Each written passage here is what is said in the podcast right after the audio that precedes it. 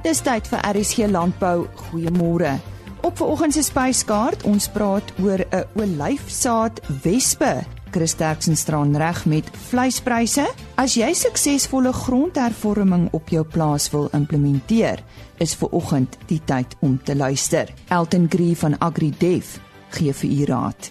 En in weerwaarhede praat Henny Maas en Johan van der Berg oor aanvoelbare temperatuur.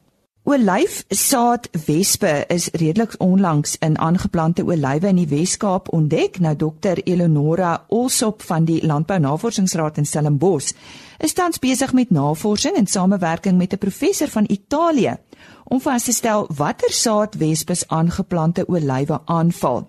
Nou 'n dokter Olsop kuier by ons vandag om vir ons meer hiervan te vertel. Uh ja, goeiemôre uh, dokter, hoe oud is die olyfbedryf in Suid-Afrika? Kommersiële olyfproduksie het in 1925 ongeveer begin toe Fernando Costa die eerste olywe op sy plaas hier by die Parel geplant het. In 1935, ekskuus, het hy die eerste oliepers op sy plaas geïnstalleer en hy word dus beskou as die vader van die olyfbedryf in Suid-Afrika. Dit was egter eers hier in die jare 70 wat 'n grootskaalse uitbreiding van die olyfbedryf in Suid-Afrika begin het. Wat is olyfsaad wespes en waar kom hulle vandaan? Olyfsaad wespe is baie klein wespe. Nou wespe is verwant aan perdebye en dit hulle bring die grootste deel van hulle lewensiklus binne in die olyfsaad deur. Dit is inheemse wespe wat eintlik op wilde olywe voorkom, maar daar is onlangs gevind dat hulle ook van die aangeplante olywe aanval. Maar wat weet ons van olyfsaadwespes?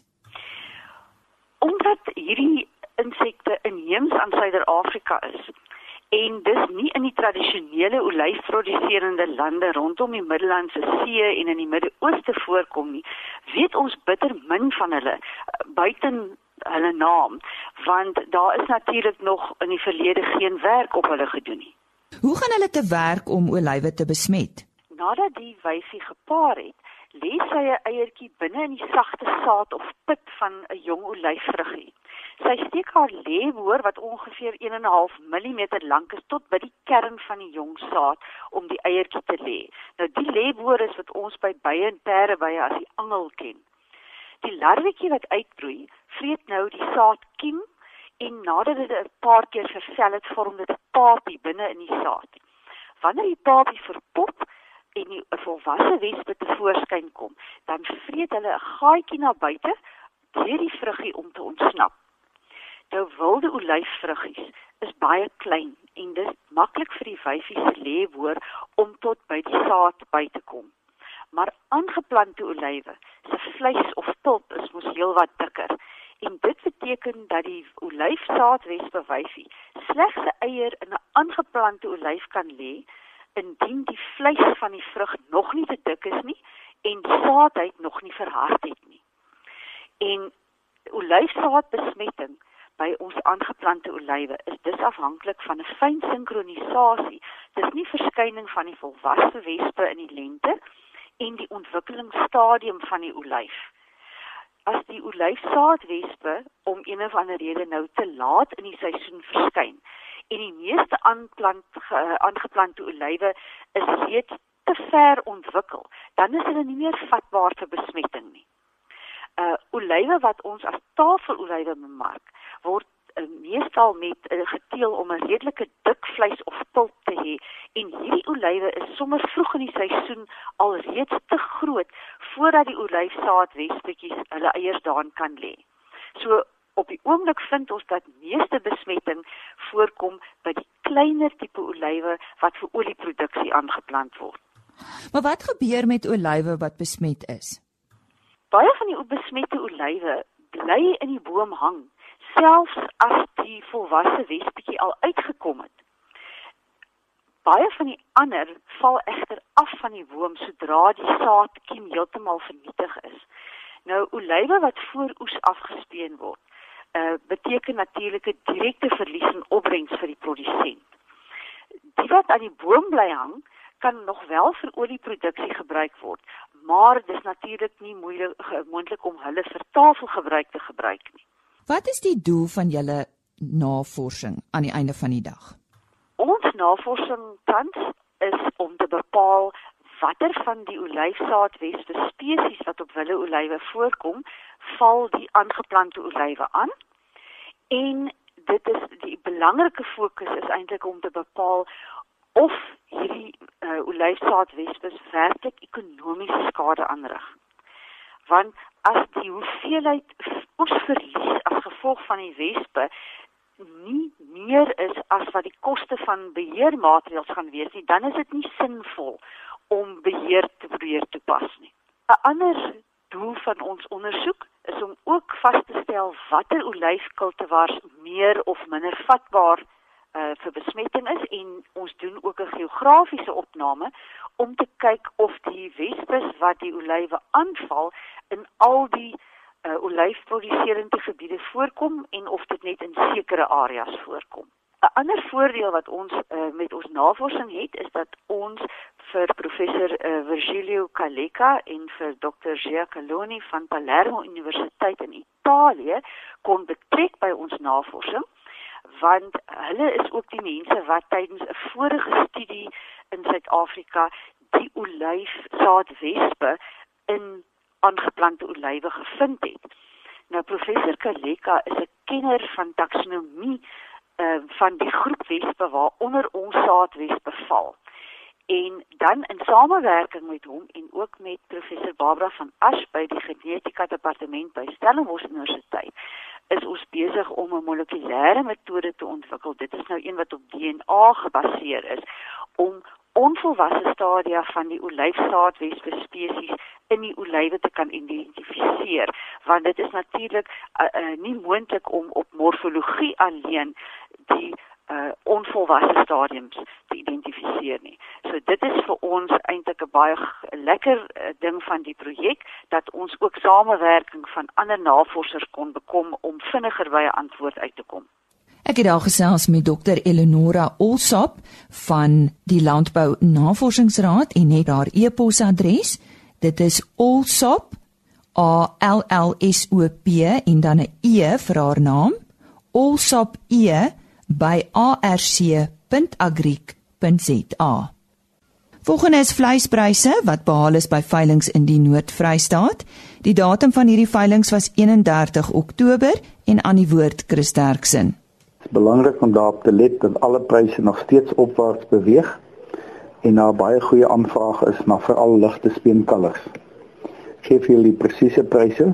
Speenkalvers onder 200 kg R41.55 van 200 tot 250 kg R39.51 en oor 250 kg R38.57 per kilogram lewendig. A klasse R28.56, B-klasse R23.43, C-klasse vetkoeie R22.31 en maarkoeie het gewissel van R18.03 na R19.56 per kilo. Slagbulle R25.13 per kilo lewendig. En vanaf die skaapmark, lammers R44.89 lewendig.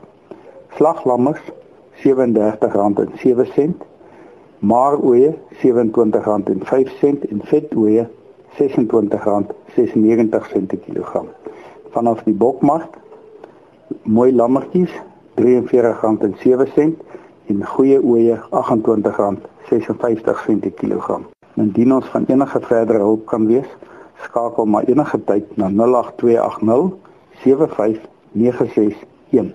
Baie dankie altyd op sy pos met vleispryse Chris Derksen. Baie boere wil graag betrokke raak by grondhervormingsprojekte, maar weet dalk nie waar om te begin nie. Nou ons gesels vandag met Elton Gree van AgriDev Consulting om meer uit te vind oor watter stappe geneem kan word om 'n grondhervormingsprojek op die been te bring. Elton, ja, wat is die eerste besluit wat gemaak moet word indien jy betrokke wil word by grondhervorming?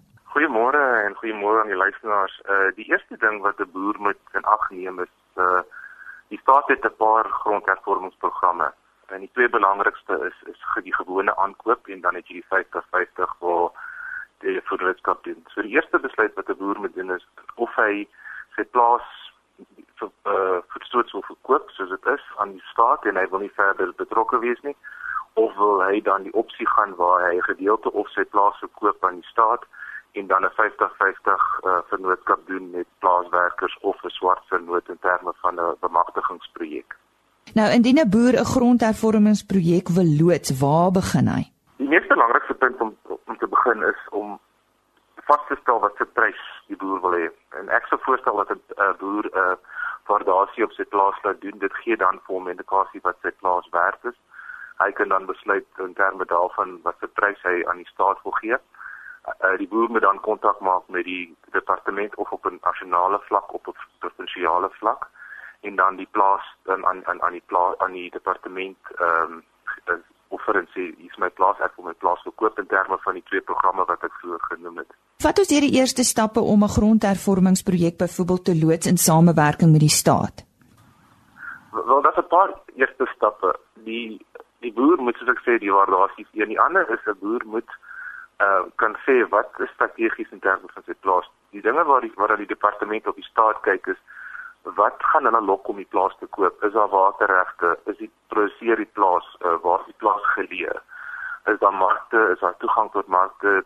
En en die mees belangrikste gaan die plaas en wat dit produseer, uh, voedselsekuriteit uh terme daarvan gaan, gaan hy toedra tot voedselsekuriteit of is dit 'n plaas wat net um, iets anders in terme van uh, nie voedselsekuriteit is nie. En dis dis die tipe uh, maatskappe wat die departement gebruik ook die die groot uh, knagpunt is is die die prys as die prys reg is sal die staat belangstel. So 'n boer moet baie opsies in ag neem in terme of en hy moet kan sê wat gaan die staat lok om die plaas te koop uh, en selfs gaan die wel werkverskaffing wees op die plaas of is dit 'n plaas wat wat min werkverskaffing uh, het. So dis daar's 'n paar goed wat in ag geneem word maar dan ook die boer, moet dan besluit in terme daarvan gaan hy wil hy op die plaas bly en saam met iemand anders boer of wil hy net die plaas verkoop soos hy is en hy wil aftree of hy wil na 'n ander besigheid toeskuif.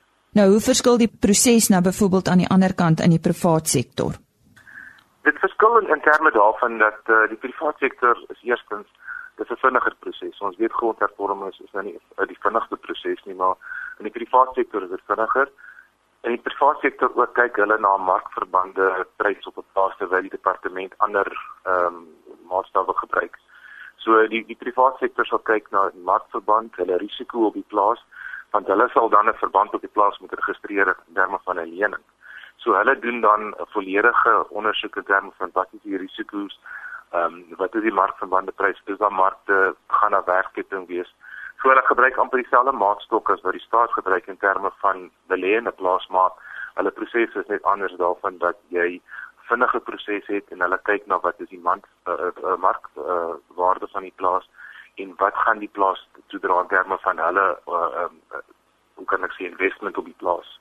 Wat moet in gedagte gehou word wanneer 'n vennootskap model gekies moet word?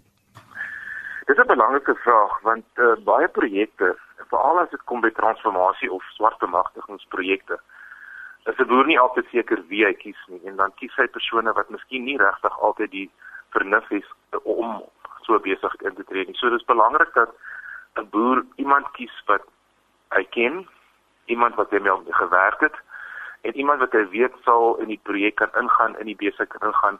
Want een van die groot dinge van van 'n swart bemagtigingsproses is is daai hoe vat jy iemand ontwikkel hulle om dan self in hulle eie reg geboer te wees of 'n besigheidspersoon. So daai persoon moet met of persone moet gekies word in so 'n sin dat die boer weet is mense wat saam met hom kan boer of iemand wat saam in besigheid kan gaan met hom. Baie kere sal 'n boer iemand kies want dit is 'n vriend wat hy nou ontmoet het en dan wil hulle 'n vennootskap gaan die persoon verstaan nie miskien boerdery nie of verstaan nie hoe besigheid op 'n plaas uh, gedoen word nie en dan oor 'n jaar, 2 jaar se tyd werk die projek nie meer. So dit is baie belangrik dat hy kies met wie hy en hy dan vennootskap gaan, maar ook die model waarin hy dit ingaan. So dit, dit is nie net 'n punt daarvan dat ek gaan 'n swart bemagtigingspersoon kies en dan gaan ek in 'n in 'n in 'n proses ingaan nie. Daar moet 'n regte model wees, daar moet regte besluite kan geneem word. Daar moet duidelikheid wees in terme van wie doen wat sodat hulle mekaar se tone trap. So daai element van die regte persoon en die regte model kies is baie belangrik. Watter ander faktore kan jy vir ons noem wat kan verseker dat dit 'n suksesvolle projek is? Vir my die mees belangrikste is om seker te maak dat almal in 'n projek weet wat hulle wil doen. Van aan ander woorde, as jy 'n 50-50 vennootskap ingaan, moet Jan en Sarah presies weet wie doen wat. Dis baie belangrik. Anders gaan jy 'n operasie by plaas het wat albei dieselfde ding doen en niemand weet wie doen wat nie. So daai element is baie belangrik, maar die tweede element is ook belangrik, dit daarvan is om te sê hoe gaan ons mense vat wat miskien nie die vaardighede het om te boer nie en 'n program in plek stel om my vaardighede te verbeter en daai persoon dan weer in die besigheid te kan verbeter. So daai vaardighede en daai opbou van daai vaardighede is ook baie belangrik. Baie kere sal daar net 'n 50-50 of 'n swart bemagtigingsprojek wees, maar daar is geen element van hoe om hierdie mense te verbeter in terme van uh, skills development of of programme om my persoon 'n beter boer of besigheidspersoon te maak. Kan jy vir ons 'n voorbeeld gee van 'n vennootskap uh, grondhervormingsprojek waarby waarby jy nou byvoorbeeld betrokke was? Ja, ek kan kyk ek was vir 20 jaar in die staatsdiens, so daar was baie wat ek gedoen het en ek het vroeër hierdie jaar bedank in in die private sektor ingegaan. So daar was baie maar net 'n paar wat ek nou mee besig is. Ons het meneer Eddie Prinsloo in in die Vrystaat. Hy's 'n marine boer. Hy's besig met 'n 50-50 met sy werkers. Ehm um, dit is nogal 'n goeie projek waar werkers nou in 'n marine stoetboerdery ingaan. Hulle gaan gedeelte van die besigheid wees met hom. Dan is ek ook betrokke in die Oudtshoorn distrik waar ons met 'n 'n boer 'n 50-50 doen. Hulle is in die saadbedryf en ons is besig daar met 'n 50-50. Ek is ook dan uh, saam besig met meneer Jan Vosloo huis in die wild en die jagsbedryf. Ons kyk daar na uh, twee opsies. Die een is die wild en die ander is die jag waar ons kyk na uh 50-50 en hoe om mense in, in swart uh uh bemagtigingsvennootskappe in te bring in daai daai uh, industrie. So dat 'n paar waarmee ons besig is en en en dit dit werk nogal goed die groot belangrike ding is is om inligting. Baie boere wil graag hierdie goed doen, maar hulle weet nie hoe nie, waar nie en om daai inligting uit te kry is baie belangrik sodat daar beter opsies vir 'n boer is. Hy verstaan die opsies beter en dit die groot probleem met grondhervorming is daar is net nie genoeg inligting daar vir boere om te sê hoe om dinge te doen en dan kan hulle 'n beter besluit neem in terme van wat hulle wil doen. So ons probeer daai gap vul om om meer inligting uit te kry. Die sosio-ekonomiese effek van so 'n vennootskap, hoe word dit bereken? Ja, kyk, dis 'n belangrike een van elke plaas het sy eie sosio-ekonomiese probleme of uh, hoe kan ek sê challenges is in die in Engels. Wat belangrik is is om elke plaas as 'n eenheid op sy eie te vat. Daar is nie 'n one size fits all nie. So die eerste stap is om te gaan en te gaan kyk na die plaas, gaan kyk wie sou die plaas, die plaaswerkers het hulle behuising, is daar water, uh, is daar uh, kos, het hulle toegang tot uh, klinieke, sulke goed is daar skole. Daai bepaling sê dan vir jou wat is tekort. As dit behuising is, dan sit jy in die besigheidsplan dat 'n behuising moet gedoen word. As dit uh, toegang tot tot uh, gesondheidsgeriewe is, sit 'n plan in om dit te doen of ons aan kinders wat skool toe moet gaan hoe drama sulke planne. So elke plaas het sy eie uh, unieke uh, um, karakter en terme daarvan, maar die mees belangrikste is 'n mens moet op die plaas wees en deur 'n hele proses gaan om te kyk waar bly die plaaswerkers, wat kort hulle en dan 'n plan beraam om daai tekortkome in in 'n sosio-ekonomiese plan in te werk.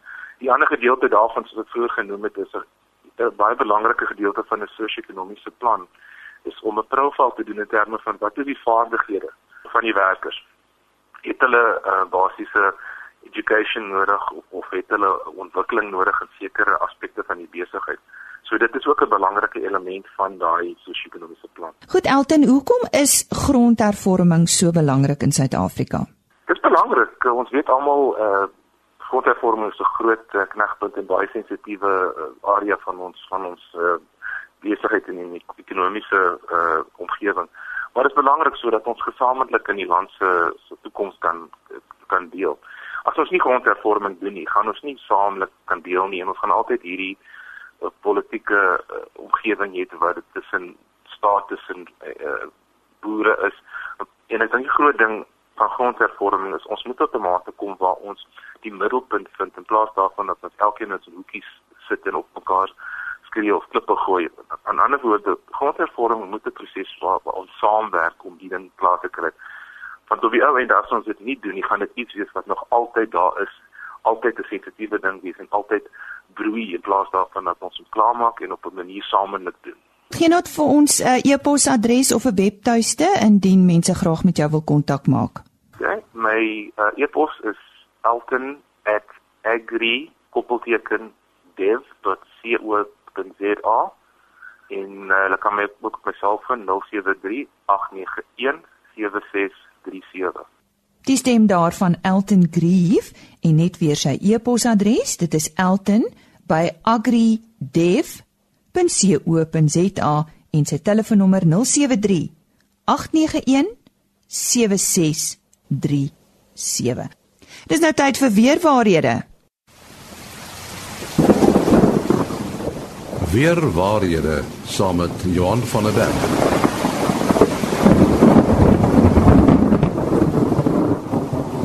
Ons gesels uh, elke donderdag met Johan van der Berg van Santam Landbou oor weer waarhede en uh, die keer gaan dit oor aanvoelbare temperatuur. Uh, is aanvoelbare temperatuur 'n abstrakte ding of of wat presies is dit Johan? Nee nee, dis wat ons eintlik ervaar. Uh 'n mens kan sê dit is abstrakt want jy kan dit nie regtig waar meet nie. Maar as ons na hierdie afgelope maand waar ons 'n klomp skape en bokke wat dood is en koring wat ryp ervaar het en die temperature wat gemeet is was miskien nie so laag dat mense soveel skade verwag nie kan 'n mens dan sê die aanvoelbare temperatuur het, het dit veroorsaak. Nou dit hou verband hoe ons of die mens of lewende organismes uh, hitte uitruil met die omgewing. So op 'n koue dag is daar 'n dun laagie lugmolekules na in die vel naby die oppervlakte en dit beskerm of isoleer ons teen koeler lug uh van die omgewing dan. Nou as die wind stil is, bly daai luglaagie, uh maar as die wind begin waai, word hierdie isolerende laagie weggevat en word ons vel of ander oppervlaktes dan gebombardeer met lugmolekules uh en dit maak dan dat uh ons dit kouer ervaar eintlik. Nou as 'n mens na 'n mens of na 'n dier kyk, die buitenste die die die bloedvate wat naby aan die vel is, net onder die oppervlakte, as dit koud is, trek dit nouer om hitteverlies te beperk. As dit weer warm is, is daar sweet wat vorm, so hierdie uh vate is redelik naby aan die oppervlakte en groter en as dit warm is dan uh, met met sweet uh, koel dit af want energie word dan deur die liggaam vrygestel en saam met die sweetproses uh, koel dit dan die liggaam af amper soos 'n watersak wat ons vroeër in die bakkies gehak het om koue water te hê. Nou as daar baie koue toestande is, kan dit vrieskade of sogenaamde frostbite veroorsaak.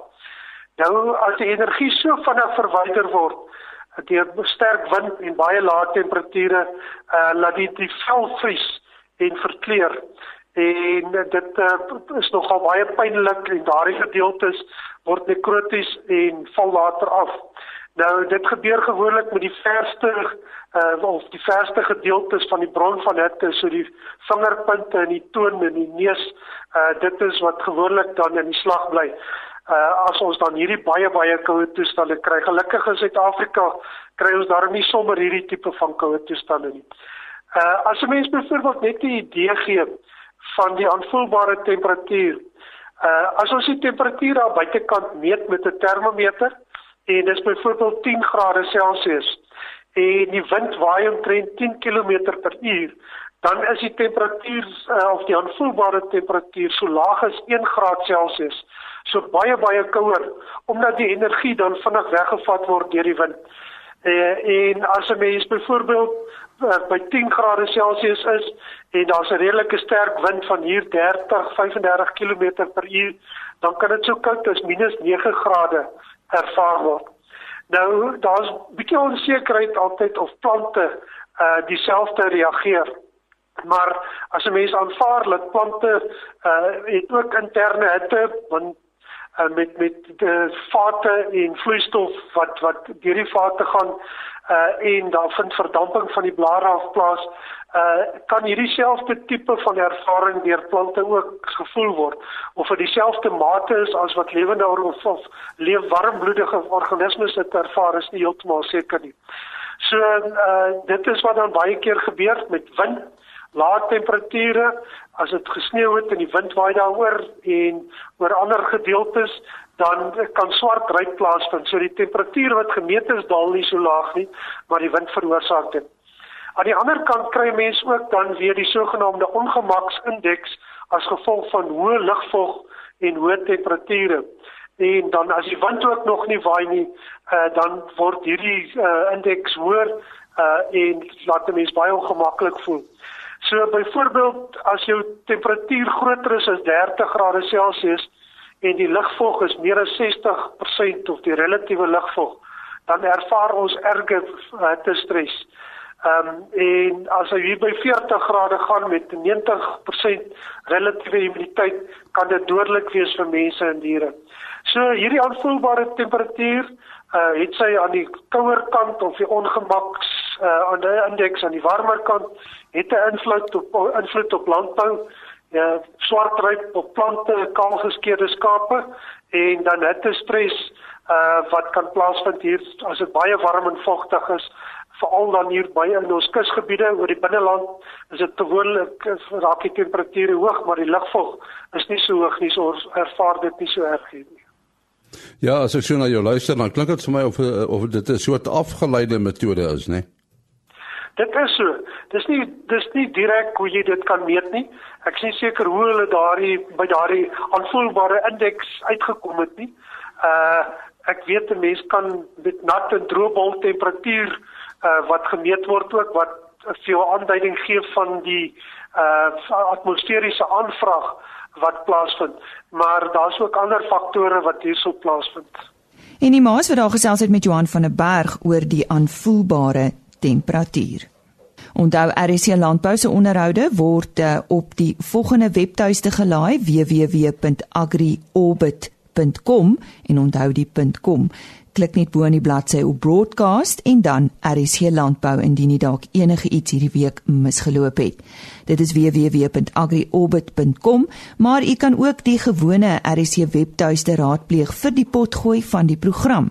Natuurlik www.rsg.co.za. En fluit fluit ons storie is uit vir hierdie week. Ek gesels weer maandagooggend om 05:30 met u. Goeie naweek word u toegewens en totsiens. RSG Landbou is 'n produksie van Plaas Media.